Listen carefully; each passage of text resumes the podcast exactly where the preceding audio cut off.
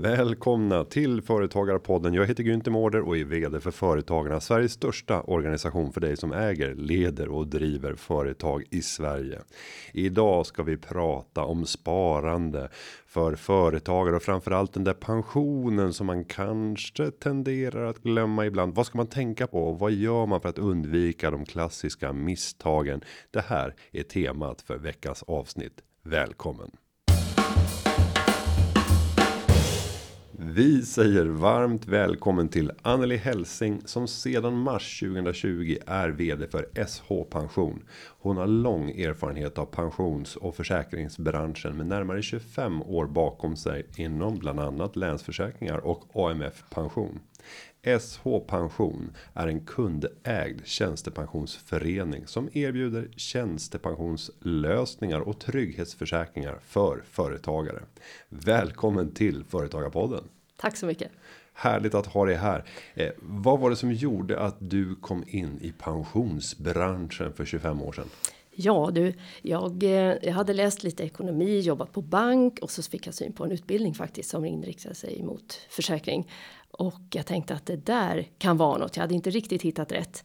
Eh, jag tilltalades av bredden och att det fortfarande var inom eh, finanssektorn men ändå försäkringsmomentet gjorde liksom en extra dimension i det här. Så att det, den utbildningen blev inkörsporten för mig. Sen fortsatte jag utbilda mig lite parallellt med att jag jobbade, fick spännande uppdrag och kom in i branschen helt enkelt. Den vägen. Och sen första coronamånaden mars 2020 så mm. tillträder du tjänsten som vd för SH Pension.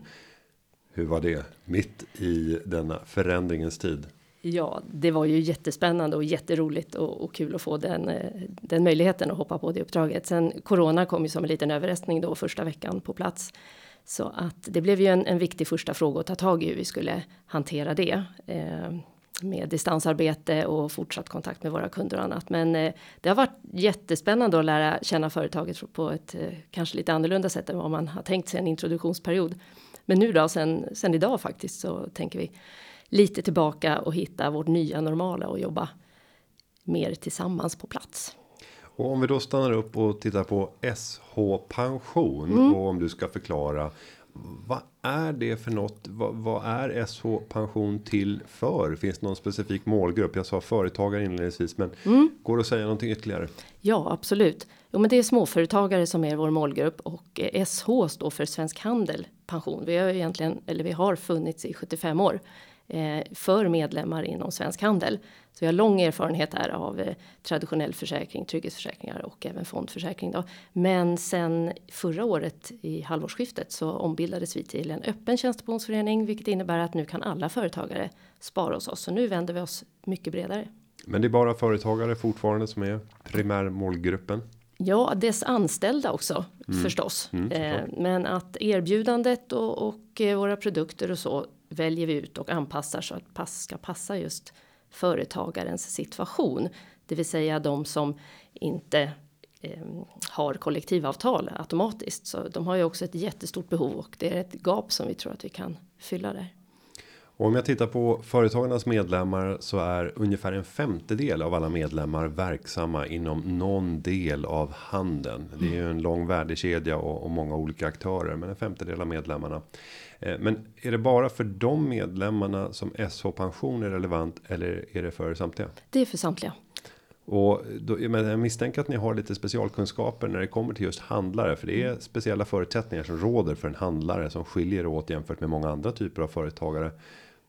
Vad kan ni ge ytterligare utöver det ni kan ge till alla till handlare? Finns det någonting? Vi har nog snarare sett så att när det gäller tjänstepension och det behovet man har av den bastryggheten eh, när man inte omfattas av kollektivavtal. Det är nog snarlikt oavsett vad man jobbar med som företagare. Mm. Eh, inom handeln har vi byggt upp en enorm kunskap utifrån vad de behöver, men vi, vi tror att den går att applicera eller vi ser det redan nu på andra företagare som har behov av att få den här hjälpen. Man tycker det är svårt, man får ta mycket eget ansvar kring den här frågan och man vill ha någon att bolla med. Om vi tar den vanliga företagaren. Vad upplever du är de vanligaste misstagen som företagaren gör när det kommer till just pensionsfrågan? Ja, man, man, skulle kunna börja med att tänka att eh, man kanske inte alltid tar ut den lön som, eh, som är marknadsmässig utifrån om man hade jobbat på ett annat företag och varit anställd. Så att, eh, att börja med att ta ut lön, i alla fall upp till den här brytpunkten då på ungefär 48 000 eh, för statlig inkomstskatt och så för att få sin allmänna pension och de bas eh, som finns i samhället. Det är den viktigaste, ta ut lön. Eh, det andra är att, att faktiskt börja spara tidigt. Att inte tänka att jag ska vänta tills det går bra. Det är bättre att börja tidigt i liten skala och sen trappa upp. För det är en stor, det är en stor ränta på ränta effekt avkastning under lång tid ger effekt. Men det är inte bara sparandedelen utan man har också trygghetsförsäkringar som man kopplar på sin tjänstepension, sjuk, olycksfall och eh, livförsäkring och så som är viktigt att ha under arbetslivet. Så vi brukar prata om trygghet under arbetslivet också som pensionär. Om man tar just de där trygghets eh försäkringarna som finns inbyggda. Om du ska beskriva vad, vad är det de kan ge mig för trygghet som företagare? Ja, det är om du blir sjuk, att man mm. får lön eh, ändå. Eh, olycksfall, samma där. Eh, efterlevande skydd är till de eh, efterlevande om, om det blir så illa att man skulle dö. Eh, premiebefrielseförsäkring är en annan sån att eh, om man inte kan jobba under en längre period eh, så går den in och fortsätter betala premien till din tjänstepension så det fortsätter alltså spara till din långsiktiga pension då. Så att eh, det är ett viktigt skydd att ha både för sina anställda då i verksamheten men för sig själv. Och ska jag lägga på ett perspektiv av eh, så att säga, helhetsanalys på det mm. så skulle jag säga att många gynnas av att ha den typen av försäkringar för det innebär att man vågar ta mer risk i verksamheten mm. i, i sin operation som man hade sagt på eh, finansspråk men i den dagliga verksamheten mm. och risktagande och avkastning. Risk och avkastning är ett osvikligt samband. Så mm. den som aldrig tar några risker kommer heller aldrig tjäna någonting. Och det gäller ju även operativt i verksamheten. Mm. Och hellre att ta risk i verksamheten och sen så känna att man har trygghet på de andra delarna. När det gäller oförutsedda händelser mm. som kan drabba en själv.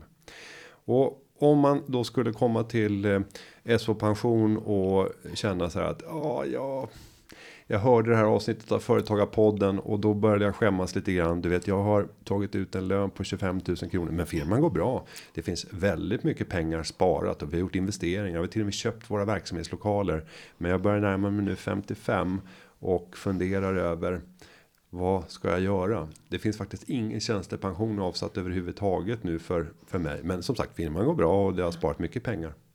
Vad skulle, vad skulle hända när en sån här person ringer in till SO pension eller skickar ett mejl? Ja, vi skulle eh, titta på hela din situation om du har varit anställd innan och eh, se till din samlade eh, pension. Man kan ju se det själv också på minpension.se. Det är jättebra och där kan man också göra en prognos. Vad skulle det bli? För man får börja med att fundera på vad vilket liv vill jag ha sen som pensionär och hur mycket pengar eh, tror jag mig behöva?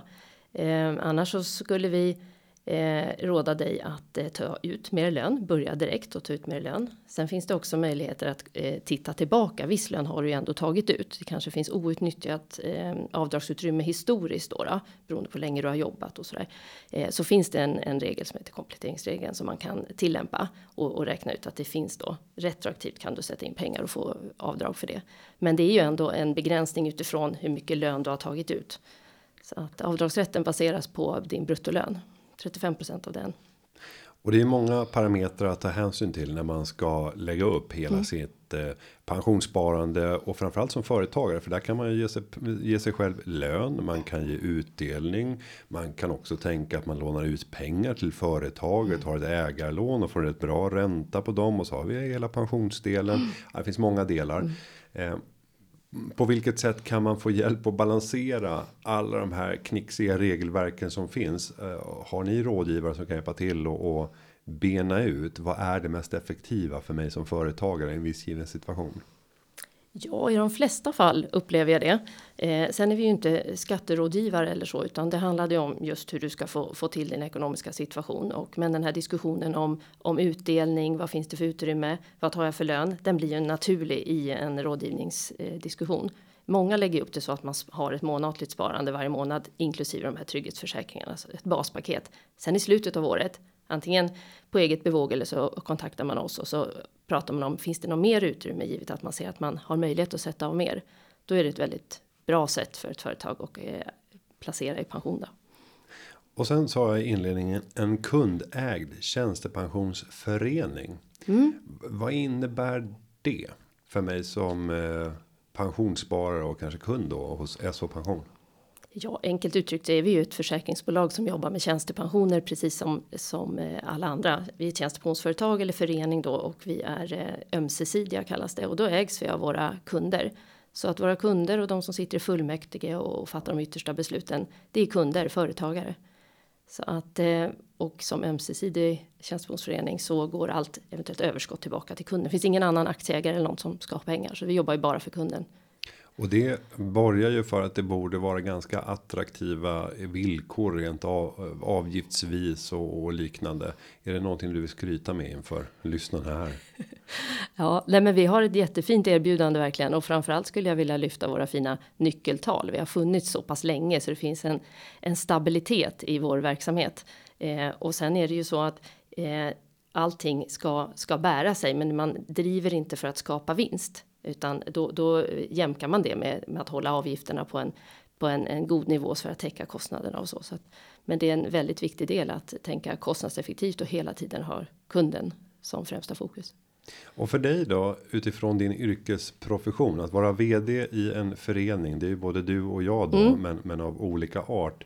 Eh, vad finns det för för och nackdelar som du ser det utifrån ett eh, ledarskapsperspektiv när man har eh, samtliga kunder som sina ägare jämfört med att man har en tydlig huvudägare som äger aktiemajoriteten.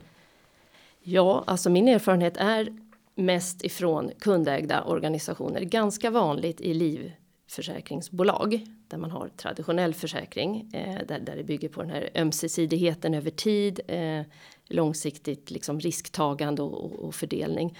Eh, så att jag tycker att den, den, ja, den känns ju förstås jättebra i magen. Eh, man vet vad man gör, syftet är, är klockrent. Så att jag tänker att många med mig tilltalas av den, det sättet att jobba, syftesdrivet. Mm. Och om vi tar det där ordet som ofta kommer i samband med eh, att man pratar med tjänstepensionsbranschen så mm. pratar man om det ömsesidigt. Mm. Eh, utanför pensionsvärlden så är ju ömsesidigt eh, mycket mindre vanligt frekvent mm. använt. Mm. Vad betyder egentligen ömsesidigt inom inom pensionsbranschen? Ja, man brukar översätta det med kundägt faktiskt och att det inte finns någon annan som som ska ta del av vinsten utan eh, överskott går till kunden antingen i form av återbäring då eller lägre kostnader. Mm. När det ger när det ger överskott då. Så för många utanför branschen så kanske man skulle säga ett eh, icke, ja, det är ju också fel att säga mm. icke vinstdrivande mm. för du ska ju eh, klara och göra vinster för att kunna investera i system och framtidssäkra och, och så vidare. Men, ja. men eh, föreningstanken är väl rätt, eh, mm. rätt rimlig och bra för mm. en förening måste visa ett överskott för att kunna klara sig över tid. Ja. Om vi då tittar på en företagare som har anställda. Hur tycker du att man ska bygga upp paketet för hela företaget när det kommer till eh, vilka typer av trygghetslösningar som man ska handla upp och vilka är måste och finns det några som är, är valbara där? Mm, jag skulle ju säga att tjänstepension eh, har väl blivit mer eller mindre en, en hygiennivå eh, så att man inte kommer långt ifrån andra anställda där kollektivavtal finns så att man känner att man sätter av till tjänstepensionssparande. Det är en sån himla viktig del av den slutgiltiga pensionen. Den allmänna pensionen räcker inte så långt, max hälften kanske av sin lön. Så att tjänstepensionen har en så viktig del. Så att sätta av i, i paritet med kollektivavtalen, kanske 4,5% eller 5% av den anställdes lön till tjänstepension och då koppla på de här riskförsäkringarna eller trygghetsförsäkringar vi pratar om. Lite sjuk, eh, olycksfall och, och efterlevande skydd. Eh, premiebefrielse är bra så att den betalas in även när man är, eh, om man blir sjuk. Sen är det någon lite på toppen som, som är väldigt uppskattat ser vi i undersökningar. Det är att erbjuda sjukvårdsförsäkring. Eh, så att, och det, det gynnar ju både den anställde att man snabbt kan komma till sjukvård när man behöver det. Men också arbetsgivaren då, då utifrån att man inte behöver kanske vänta på på det utan snabbt kan komma tillbaka i arbete. En typ av eh, företagare som jag möter det är en grupp som det går rätt så bra för. Men de tänker kanske inte överdrivet mycket på den tid som kommer om 15-20 år. Utan det är rätt mycket här och nu. Mm. Investeringar de kommande fem åren. Som det är för oss flesta. Mm. Eh, och, och, ibland då när jag lyfter frågan Hur har du tänkt kring tjänstepension? Så nästan skrattar de för man kan gå in på alla bolag.se och se att det här bolaget går ju väldigt bra. Mm. Och så säger de företaget, mm. det är min pension. Ja. Eh, vad säger du när du möter dem som eh, nästan ler och skrattar lite grann över att verksamheten går riktigt bra, men inte avsatt någonting till tjänstepension och säger företaget är min pension. Till dem säger jag att trots att det går bra så är det eh, jätteviktigt och bra att sätta av tjänstepension ändå löpande. Eh, dels att det är avdragsgillt så att det, det, det gynnar företaget om man säger så. Eh, dels att du får trygghetsförsäkringar och ett sparande över tid och en ränta på ränta effekt. Eh, sen är det ju så att om man har tänkt att företaget ska säljas av sen och då realiserar jag det här som jag kan leva på sen. Det är inte helt säkert att det kommer vara så. Vi kan se bara nu corona, blir ett färskt eh, exempel på att eh, nej, det kanske, man kanske tvingas sälja eller, eller man blir sjuk eller någonting och då finns inte värdet riktigt där. Så att försäkra sig för lite oförutsedda händelser och använd de avdragsutrymmen som finns under tiden. Och jag tänker att den här gruppen av företagare, det brukar ofta vara de som har ett bra koll på hur mycket skatt det kostar att ta ut värden ur bolaget på olika sätt. Mm. Och, och, där kan ju faktiskt tjänstepensionen vara ett ganska effektivt sätt att ta ut värden. Mm. För det handlar ju om att man flyttar en inkomst till framtiden då man sannolikt kommer ha väsentligt mycket lägre lön och därmed sannolikt en lägre skattesats. Sen vet vi ju inte det där med vad som Nej. kommer hända i samhället. Kommer vi att kunna lägga kvar på nuvarande inkomstskatter? Mm. Hur ska man resonera kring det där då? 10 000 kronors frågan. Mm. Eh, det beror ju på tänker jag vad man tar ut för lön idag. Eh, om man ligger och eh, bäsar sin lön eller om man redan ligger över. Eh, och om man gör den här prognosen på min pension till exempel. Vad kommer det bli sen? Men, men det jag håller med dig, det är en, det är en ständig fråga. Eh, jag tror att man ändå måste utgå ifrån sig själv. Vad skulle jag behöva och inte gambla för mycket med eh, skatter och annat, utan vilket liv vill jag ha som pensionär? Vi lever ju så mycket längre nu och förväntar oss ett friskt, långt, härligt eh, pensionärsliv också. Eh, alternativt så jobbar man vidare helt enkelt, men då kan man hantera det där då. Eh, och, och jag brukar ju skicka med till de företagare som ser sitt företag som en pension. För det kan ju faktiskt vara så att det är precis på det sättet. Man kommer att kunna sälja företaget med mycket hög sannolikhet till ett väldigt stort värde.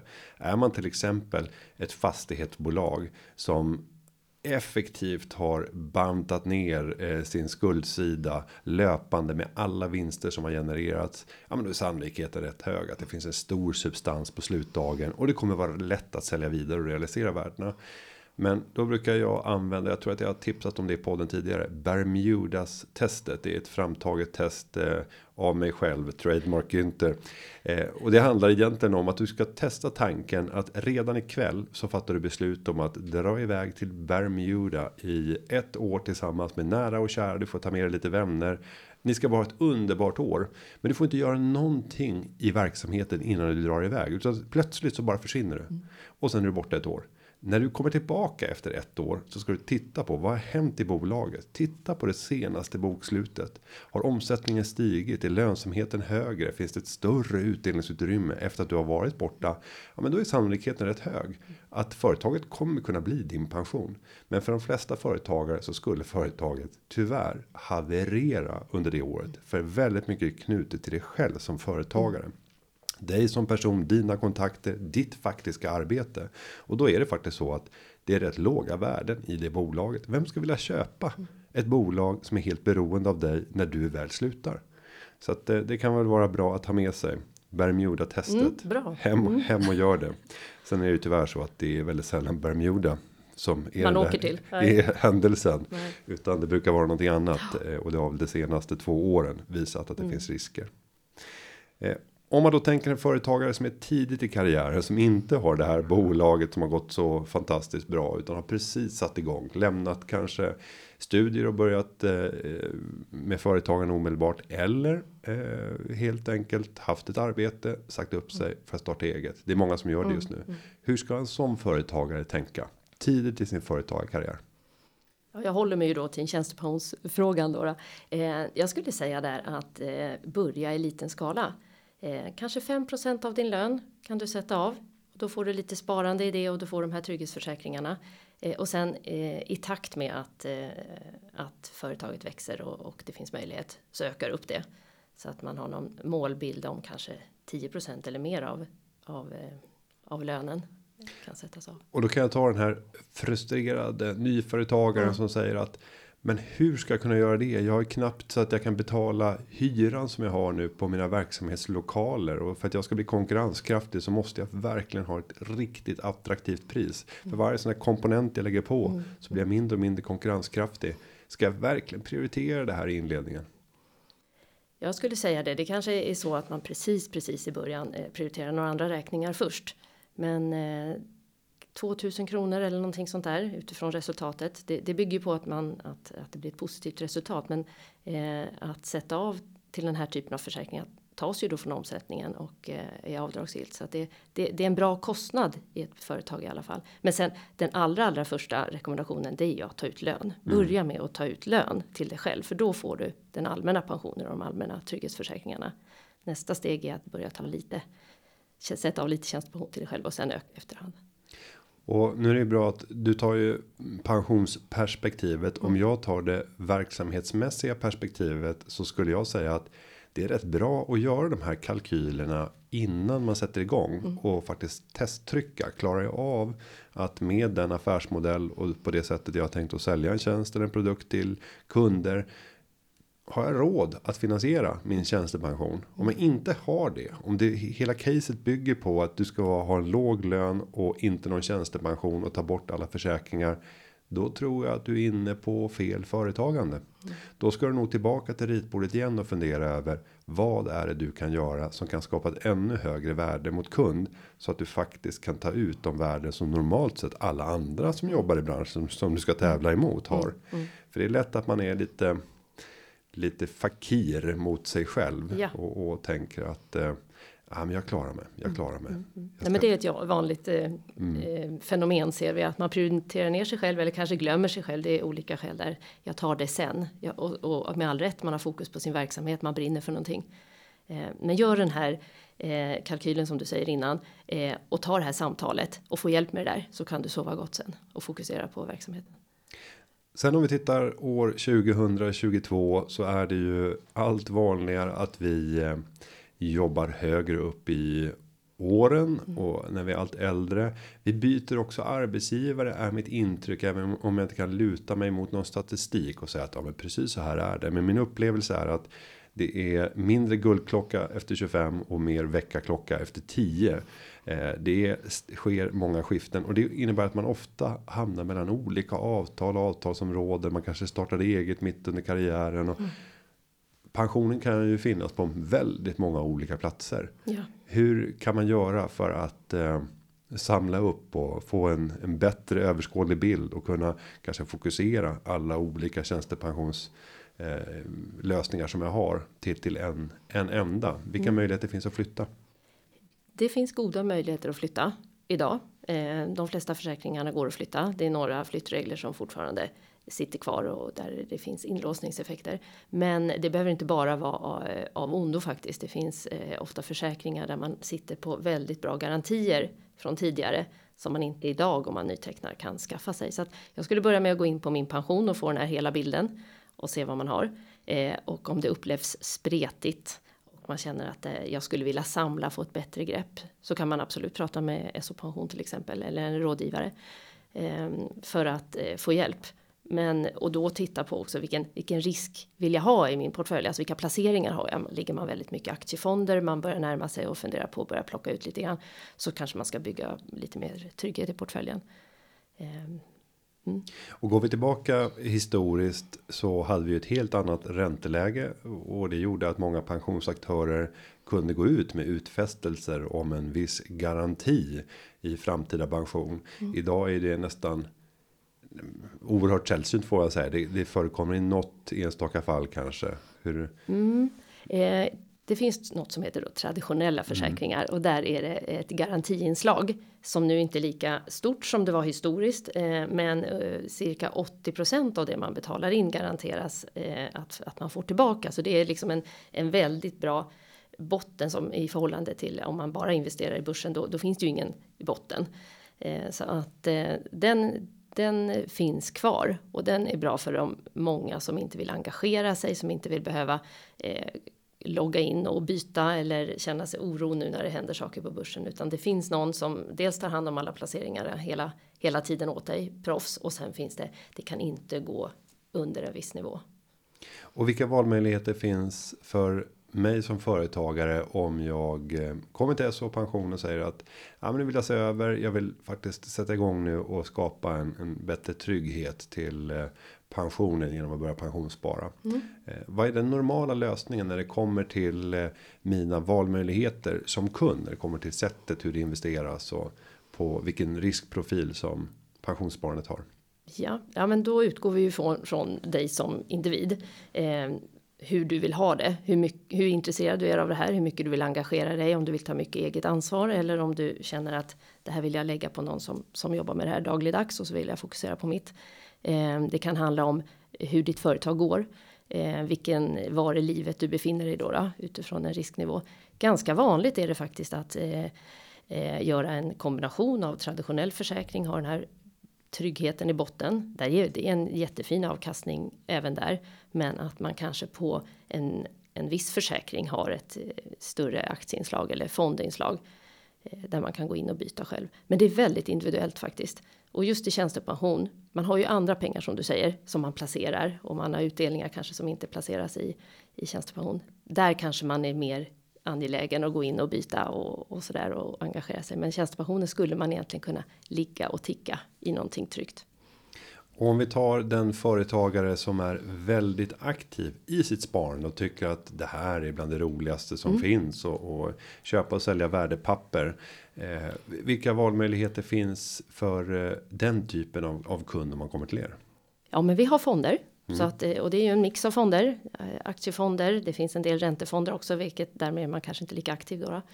Eh, olika typer då beroende på om man är engagerad eller intresserad av olika branscher och sånt. Så att vi har gjort ett urval. Vi har tänkt så här när vi har tagit fram vårt erbjudande. Det här ska passa de allra flesta. Eh, ett utbud som har risk, eh, trygghet och sen så att man kan kombinera dem med varandra.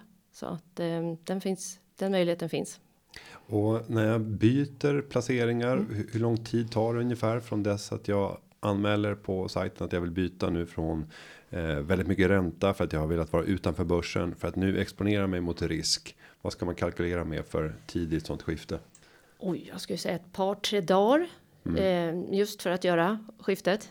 Sen när du var inne på flytt innan om man vill flytta, då, då är flytttiderna tyvärr lite längre mellan bolagen och, mm. och så. Men det, men det är ju en, en annan. Ja, det är en annan en sak. Annan ja. fråga. Mm. Nej, för att jag har varit med om aktörer jag själv eh, haft eller har fortfarande en gammal försäkring hos Alecta och tidigare kunde man välja inom Alecta optimal mm. att ändra placeringsinriktning. Mm. Men det tog månader att få det ändrat. Eh, sen eh, höll jag på och klagade, eh, inte bara mot kundtjänst utan även mot eh, Staffan Grevbäck som då var vd och eh, efter ett halvår, ett år så tog de bort den möjligheten helt och hållet, eh, vilket jag tyckte var eh, riktigt illa. Jag tycker att man ska kunna reglera sitt risktagande ehm, och, och, det är en frihet man ska ge sparare och, och det får jag tyvärr inte där. Ja, ja, den här eh, företagaren som vi nu har gått igenom och gett lite tips till hur man ska tänka kring pension. En annan sån fråga som dyker upp för många företagare. Det är ju när vi blir föräldrar om vi blir det och vad gäller med föräldraledighet och, och tjänstepensionsinbetalare om jag själv är företagare? Om man har möjlighet att fortsätta betala in till sin tjänstepension när någon är föräldraledig och inte jobbar så är det jättebra att man gör det. det men alla vi, vi märker att alla känner inte att de kan göra det utan de eh, eh, kanske kan betala under en viss tid och sånt där för det, det blir kostsamt. Men eh, eftersom i tjänstepensionspaketet så ingår de här trygghetsförsäkringarna också så rekommendationen är gå i sådana fall ner på en lite lägre nivå och fortsätt spara så att du inte tappar dina riskprodukter. För sen när man kommer tillbaka och ska börja jobba igen så vill man ju gärna jacka in i det här paketet och har man hoppat av sina riskförsäkringar får man göra nya hälsoprövningar och har det hänt någonting då så kanske man får lite undantag och så i dem. Så försök hålla kvar, men det, det är ett, ett ansvar och en eh, någonting man får ta ställning till själv. Och du nämner någonting där som är viktigt. Mm. Eh, hälsoprövningar, för det är ju så att om, om det är så att vi plötsligt drabbas av någonting som kommer att påverka vår arbetsförmåga eller förändra vår framtid av, av rent kroppslig av kroppsliga skäl så blir det ganska svårt att få försäkringar hos ett nytt försäkringsbolag. Det kan det vara. Då måste man oftast in hos läkare för att göra kontroller och uppdagas det då att ja, du har ju fått en ny diagnos. Mm. Så blir det antingen svårt att få eller oerhört kostsamt. Mm. Eh, och då är det ditt svar. Eh, det är att inte avbryta ingångna. Nej, nej men så, mm. absolut.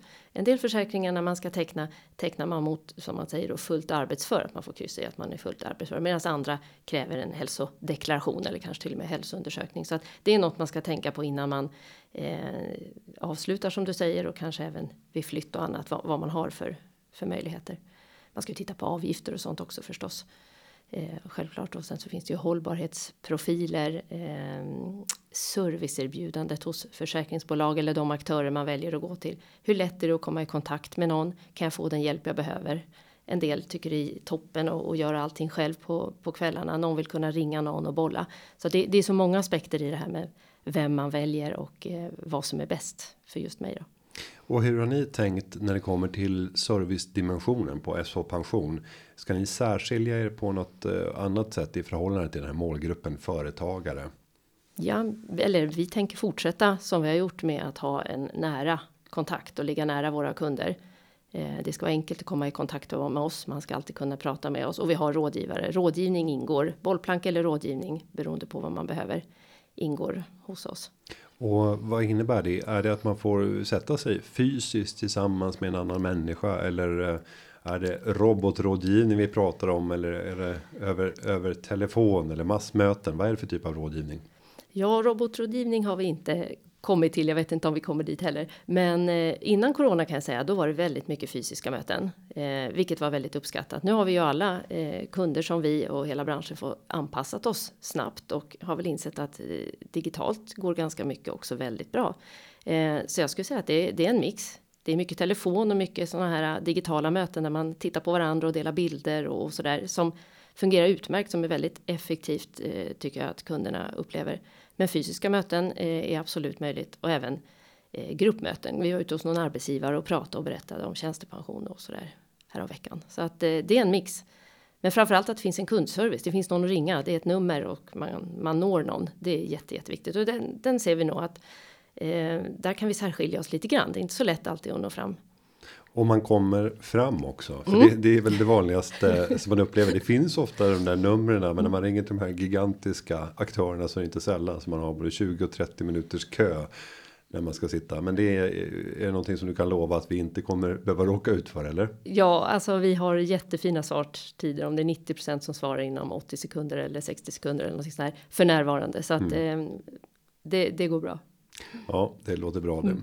Så om vi nu ska summera så har vi den eh, allmänna pensionen. Det var viktigt att ta ut lön så att vi ser till att det blir inbetalningar och att vi helst av allt om vi har kapaciteten betala ut en sån lön att vi når upp till taket och, och om vi betalar ut en lön upp till ungefär 48 000. Där varierar ju för varje år och stiger år för år. Eh, så är vi garanterade att vi har fyllt på alla trygghetsförsäkringar inklusive pension och vi behöver inte betala den där väldigt dyra extra skatten som kommer till till den statliga skatten. Tjänstepensionen har vi ordnat och vi kanske har ett litet privat sparande som är svårt att definiera om det är ett eller ett pensionssparande eller om det är ett rent och skärt sparande. Vi ska inte skilja så mycket på det.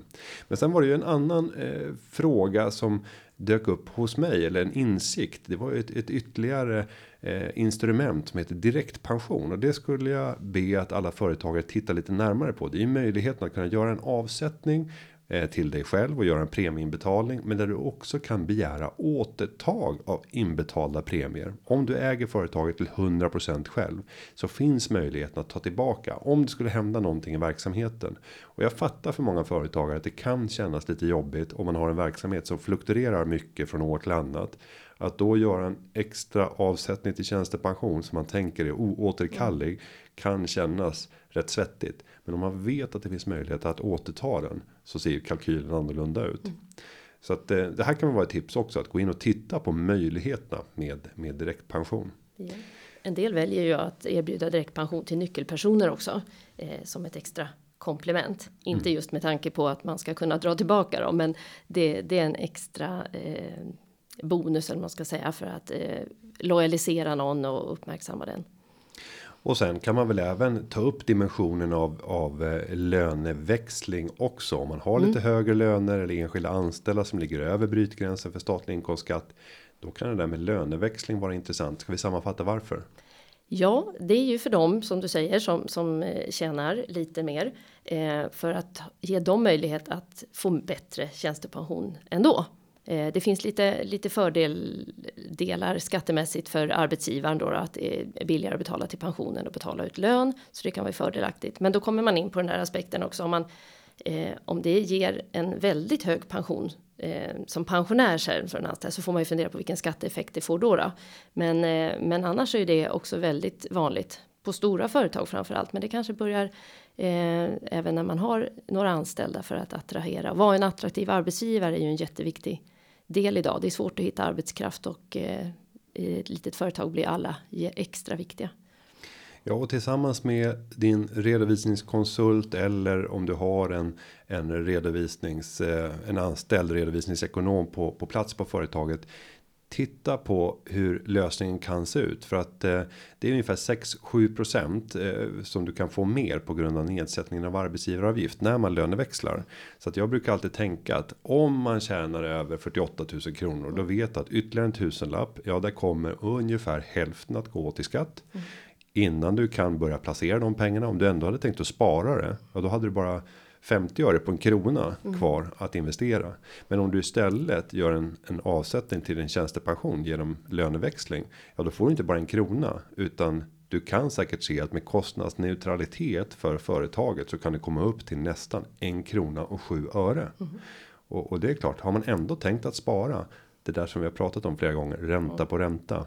Då är det ganska attraktivt att börja med en krona och sju öre jämfört med 50 öre. Jag brukar privat tänka så att de absolut högsta riskinvesteringarna som jag gör i hela mitt liv. De placerar jag just i den miljön mm. där jag har min löneväxling. För där vet jag att det är pengar som ska beskattas i slutet av dagen. Jag menar, staten ska ju ta sin inkomstskatt och fram till dess så får jag låna pengarna utan ränta. Mm fram till dess och det är många år kvar för mig. Vi pratar 25 27 år mm. eh, och då får jag ett gratis lån i 27 års tid för att göra högriskinvesteringar och några av dem kommer gå riktigt bra. Några kommer gå helt åt skogen, eh, men över tid så kommer den, den genomsnittliga avkastningen sannolikt att, att vara högre än i de andra sparandena. Mm. Eh, tänker jag rätt? Ja, men så tänker jag också och framförallt att det är det här långsiktigheten i det hela.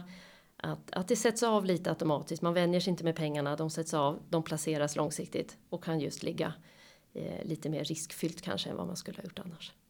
Finns något sista medskick som du skulle vilja ge till våra lyssnare när det kommer till just pensioner och trygghetsförsäkringar?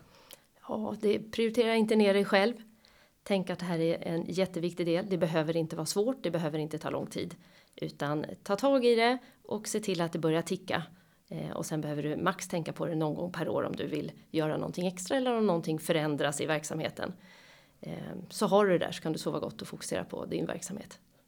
Och ett bra tips där det är väl alltså lyft luren och mm. prata med ja. någon som kan ring och pension och Eh, man behöver inte ha allting färdigt. Det är bättre att ni får kravställa och säga att den information vi behöver för att mm. kunna ta oss vidare är följande fem uppgifter. Så här, ta fram dem och sen tar vi ett nytt samtal. Precis. Eh, för att annars så blir det aldrig av. Nej, tänker nej, jag. Nej, när man själv ska fundera ut. Ja, vad ska jag förbereda nu? Ja, ja. Nej, men det är oftast ett eller ett par, eh, kanske tre samtal beroende på vad man vill ha. Så, så är det klart sen.